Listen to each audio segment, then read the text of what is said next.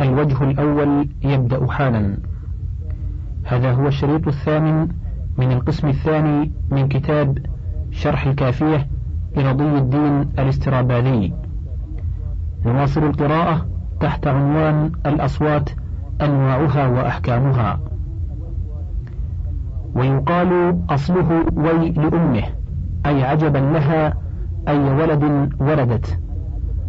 فنقل ضمة الهمزة إلى اللام المتحركة على غير قياس وحذفت الهمزة تخفيفا لقصد التركيب المذكور. والكسر على أن أصله وي لأمه فحذفت الهمزة على غير القياس مع صحتها. وأن نحو ويكأن نحو ويكأن الله يبسط الرزق فهو عند الخليل وسيبويه وي التي للتعجب ركبت مع كأن مثقلة كما في الآية أو مخففة كما في قوله ويكأن يكن له نشب يحبب ومن يفتقر يعش عيش بري وفي هذا القول نوع تعسف في المعنى لأن معنى التشبيه غير ظاهر في نحو قوله تعالى ويكأن الله يبسط الرزق لمن يشاء من عباده ويقدر إلى قوله ويكأنه لا يفلح الكافرون وفي قوله ويكأن من يكن له نشب. وقال الفراء وي كلمة تعجب ألحق بها كاف الخطاب كقوله ولقد شفى نفسي وأبرأ سقمها طول الفوارس ويك عنتر أقدمي أي ويلك وعجبا منك.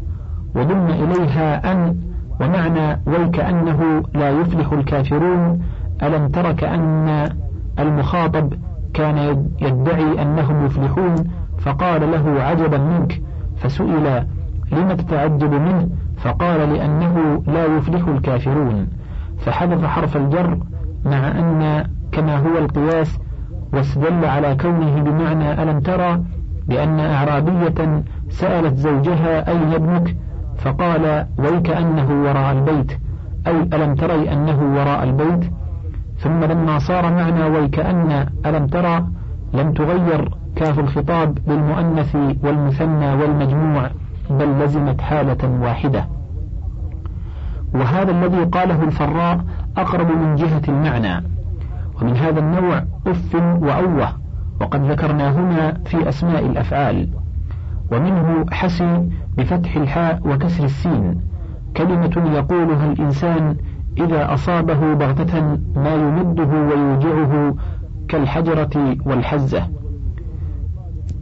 ومنه بخ وهي كلمة تقال عند الإعجاب والرضا بالشيء وتكرر للمبالغة فيقال بخ بخ فإن وصلته خففته ونونته مكسور الخاء.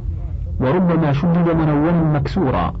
قال الشاعر وقد جمعها روافده أكرم الرافدات بخ لك بخ ببحر خضم. وإذا بين باللام فهو مستعمل استعمال المصادر كما مضى. وحكى ابن السكيت بهن بهن بمعنى بخ بخ. ومنه إخ بكسر الهمزة وفتحها وخاء مشددة مكسورة. وكذا كخ بكاف مكسورة. وقد جعله الشاعر في قوله وصار وصل الغانيات أخا.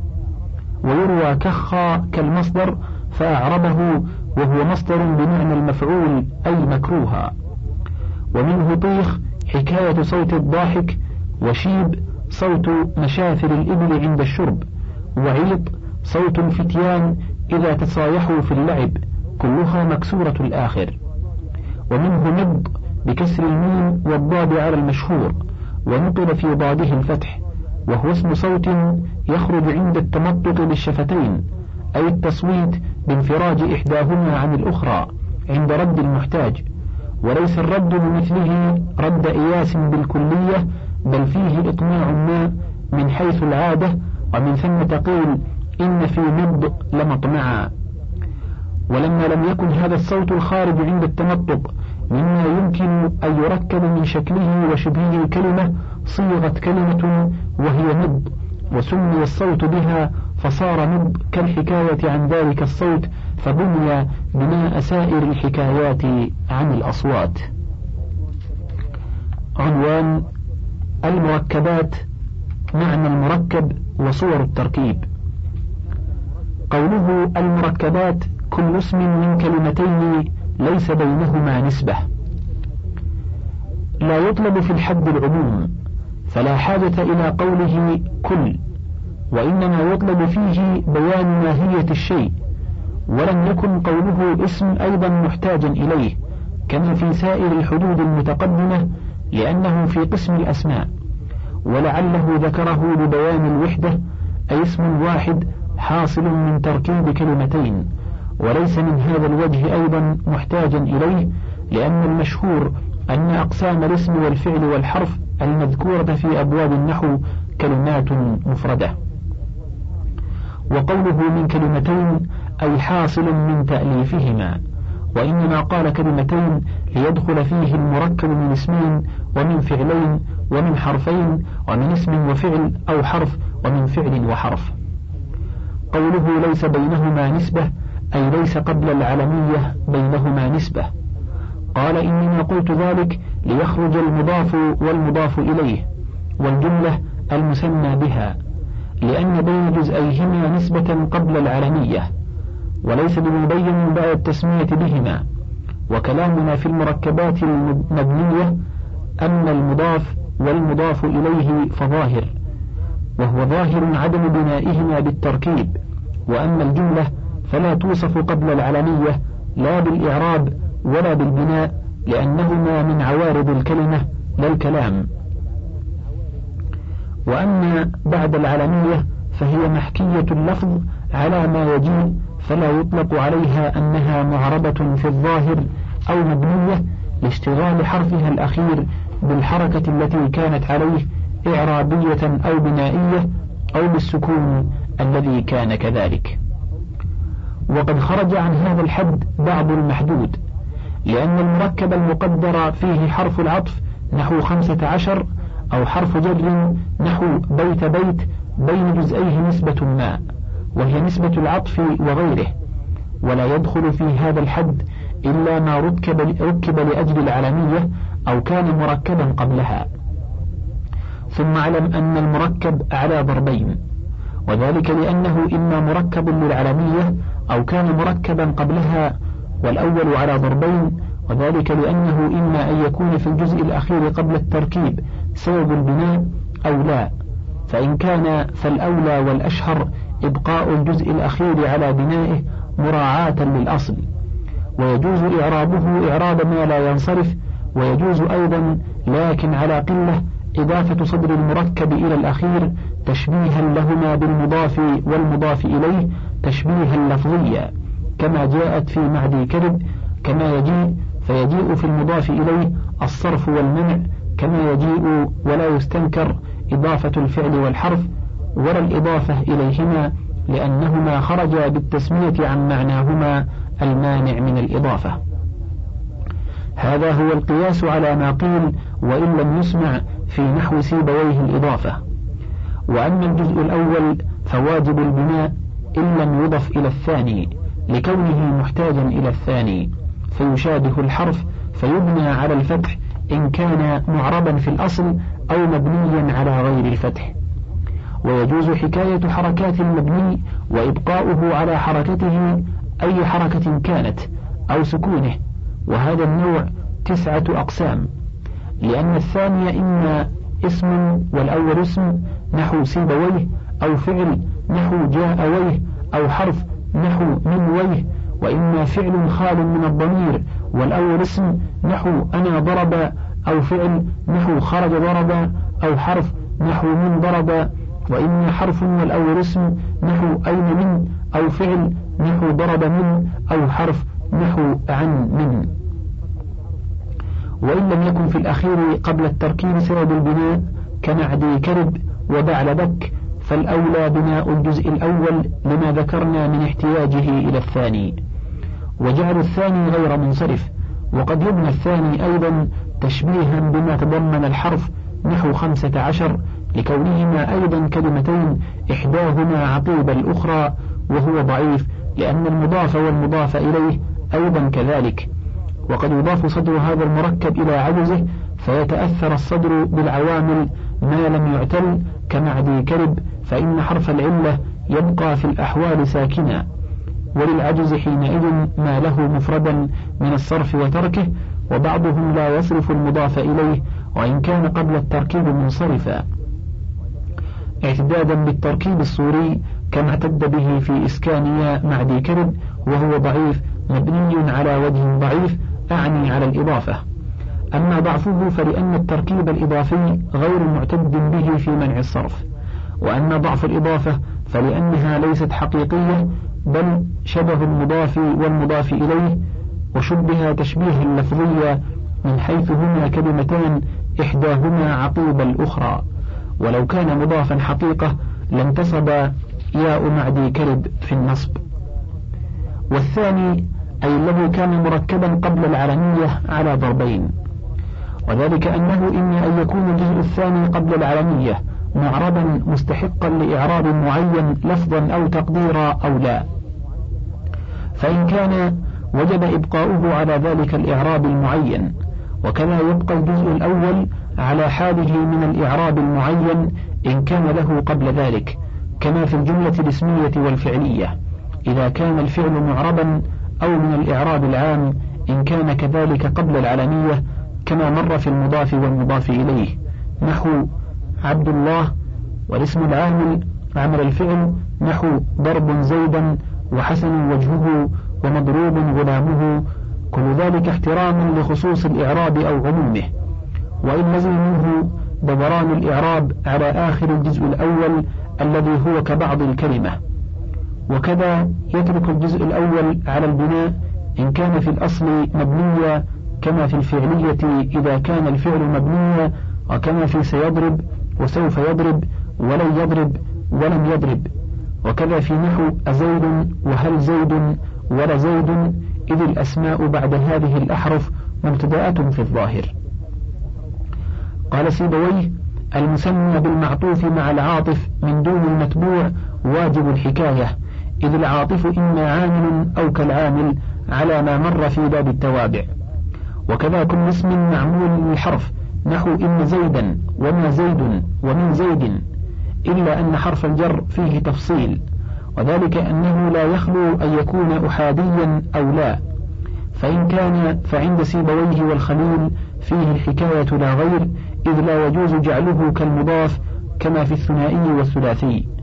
وقال الزجاج يجوز جعله كالمضاف بأن تزيد عليه حرفين من جنس حركته مدغما أحدهما في الآخر وتعربه إعراب المضاف كما تزيدهما عليه إذا سميت به وهو مفرد كما يجيء في باب العلم.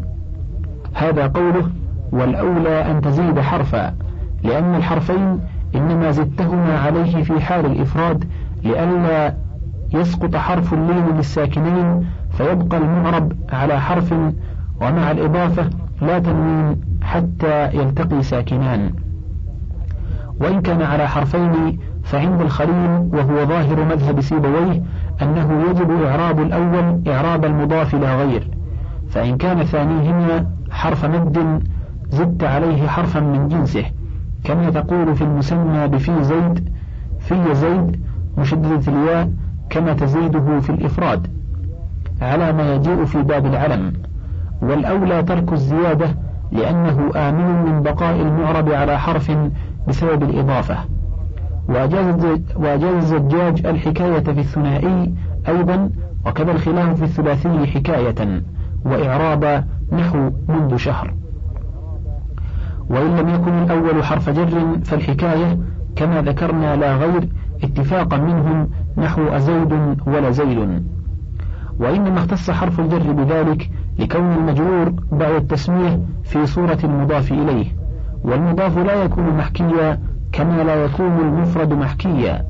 كما قال سيبويه هذا وقد جاء صدر الجملة المسمى بها مضافا إلى عجزه إذا لم يكن الصدر ضميرا تشبيها للجزئين بالمضاف والمضاف إليه كما مر.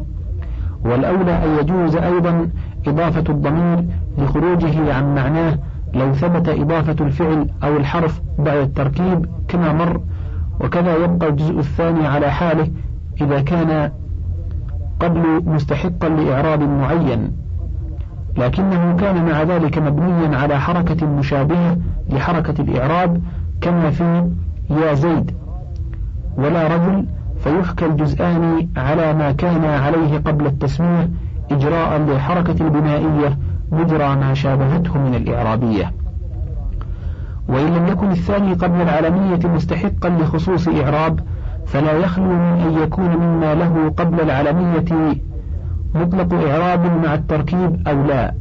فإن كان وهو من التوابع الخمسة مع متبوعاتها لا غير بقي التابع مع المتبوع على ما كان عليه قبل التسمية من تعاقب الإعراب عليهما. كما قلنا في المضاف والاسم العامل عمل الفعل ويراعى الأصل في الصرف وتركه أيضا فيصرف عاقلة وظريفة سواء سمي به رجل أو امرأة لأن المسمى به ليس واحدا من الاسمين بل المجموع. وليس المجموع اسما مؤنثا فإن سميت بعاقلة وحدها فالأكثر ترك الصرف لأن اللفظ مفرد ويجوز صرفها على الحكاية إجراء لها مجرى الصفة والموصوف.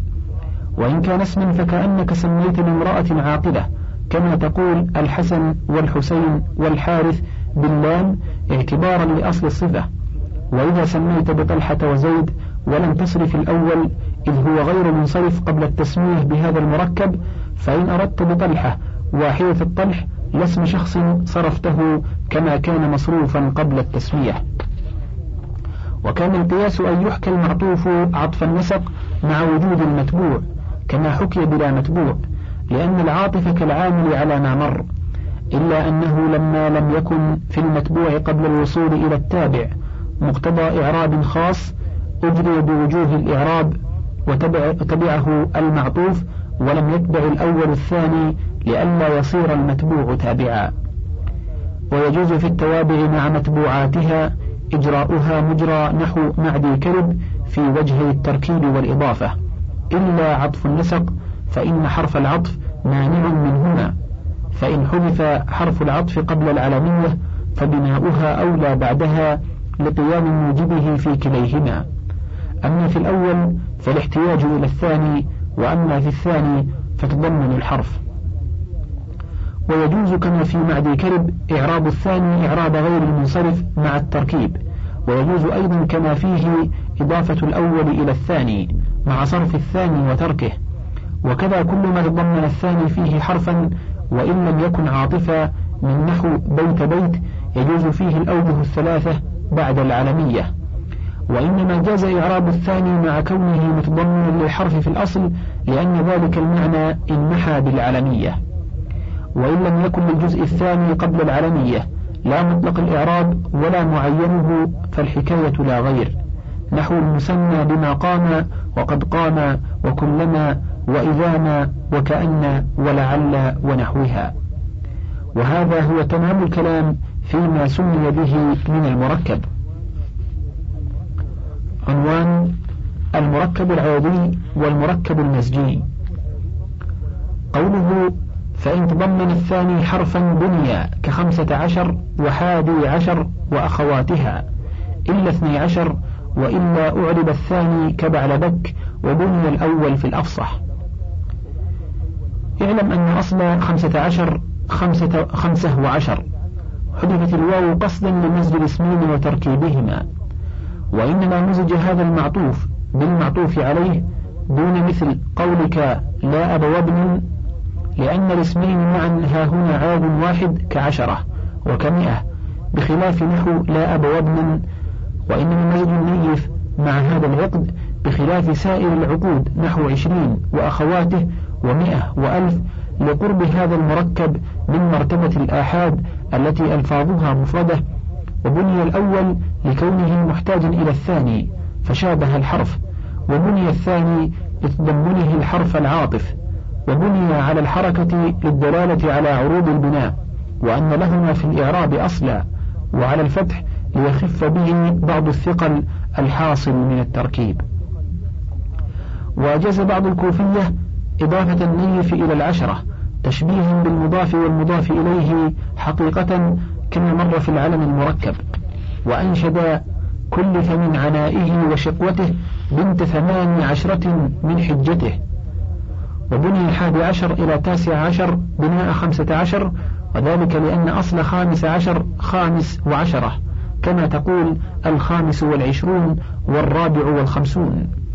جرت عادتهم لإبقاء الجزء الثاني مما فوق العشرة مركبا كان أو معطوفا في المفرد من المتعدد كما كان في العدد. فنقول الثاني والعشرون كما قلت اثنان وعشرون. فإن قلت معنى العطف في العدد ظاهر بخلافه في المفرد من المتعدد وذلك لأن معنى ثلاثة وعشرون رجلا ثلاثة رجال وعشرون رجلا وكذا في نحو ثلاثة عشر رجلا أي ثلاثة رجال وعشرة رجال. وليس معنى ثالث عشر واحدا من الثلاثة وعشرة ولا معنى الثالث والعشرون. الواحد من الثلاثة والعشرون بل المعنى الواحد من الثلاثة والعشرة والواحد من الثلاثة والعشرين. فما معنى هذا العطف؟ قلت كان القياس أن يبنى من مجموع جزئي المركب في نحو ثلاثة عشر اسم فاعل واحد.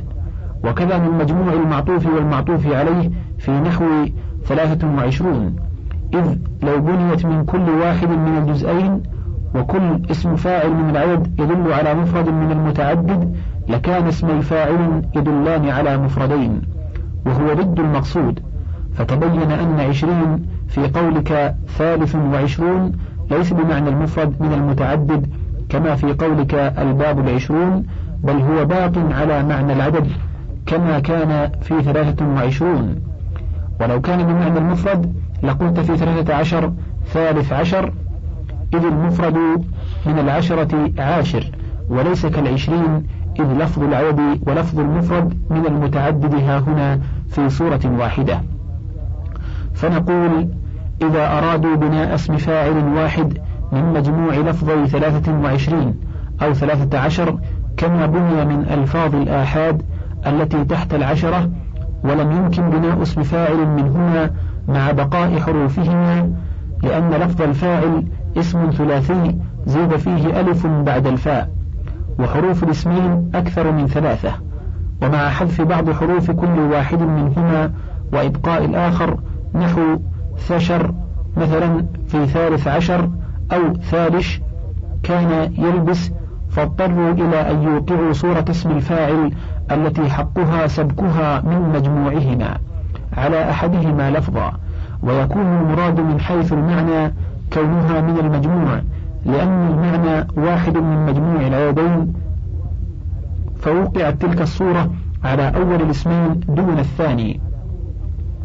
ليؤذن من أول الأمر أن المراد المفرد من المتعدد لا العدد وعطف الثاني لفظا على تلك الصورة وهو معطوف من حيث المعنى على العدد المشتق ذلك الفاعل منه فهو عدد معطوف على عدد لا متعدد على متعدد ولا عدد على متعدد لاستحالتهما كما بينا لكن المعطوف عليه في الحقيقة مدلول المعطوف عليه ظاهرا.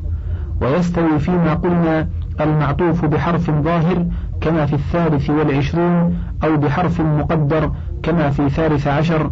فأصل قولك جاءني ثالث عشر جاءني واحد من ثلاثة عشر فعشر معطوف على ثلاثة لا على واحد.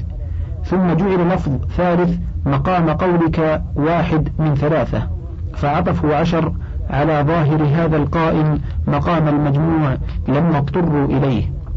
فإن قيل لو كان معنى ثالث عشر واحد من ثلاثة عشر لم يجوز أن يضاف إلى ثلاثة عشر فيقال ثالث عشر ثلاثة عشر. إذ يكون المعنى واحد من ثلاثة عشر ثلاثة عشر. قلت هذا كما يضاف ثالث مع أن معناه واحد من ثلاثة إلى ثلاثة فيقال ثالث ثلاثة. وإنما أضيف في الموضعين لاحتمال أن يراد بثالث عشر لو لم يضف إلى أصله ثالث عشر عشرين أو خمسين أو مئة أو فوقها.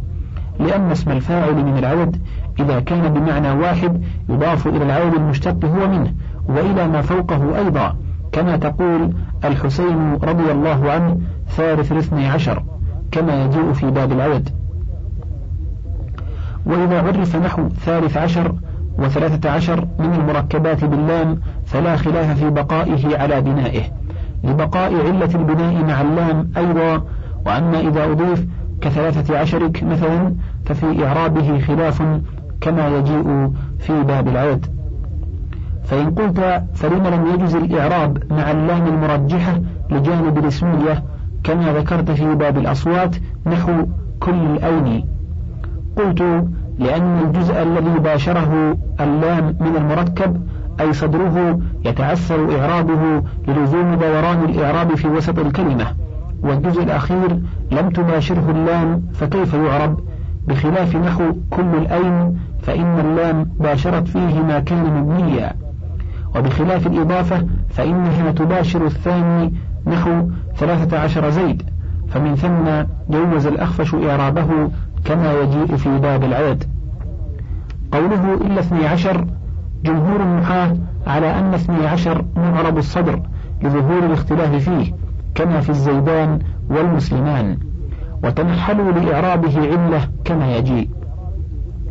وقال ابن درستويه هو مبني كسائر أخواته من الصدور لكونه محتاجا إلى الجزء الثاني مثلها. وقال كل واحد من لفظ اثنى عشر واثني عشر صيغة مستأنفة كما مر في هذان وهذين واللذان واللذين.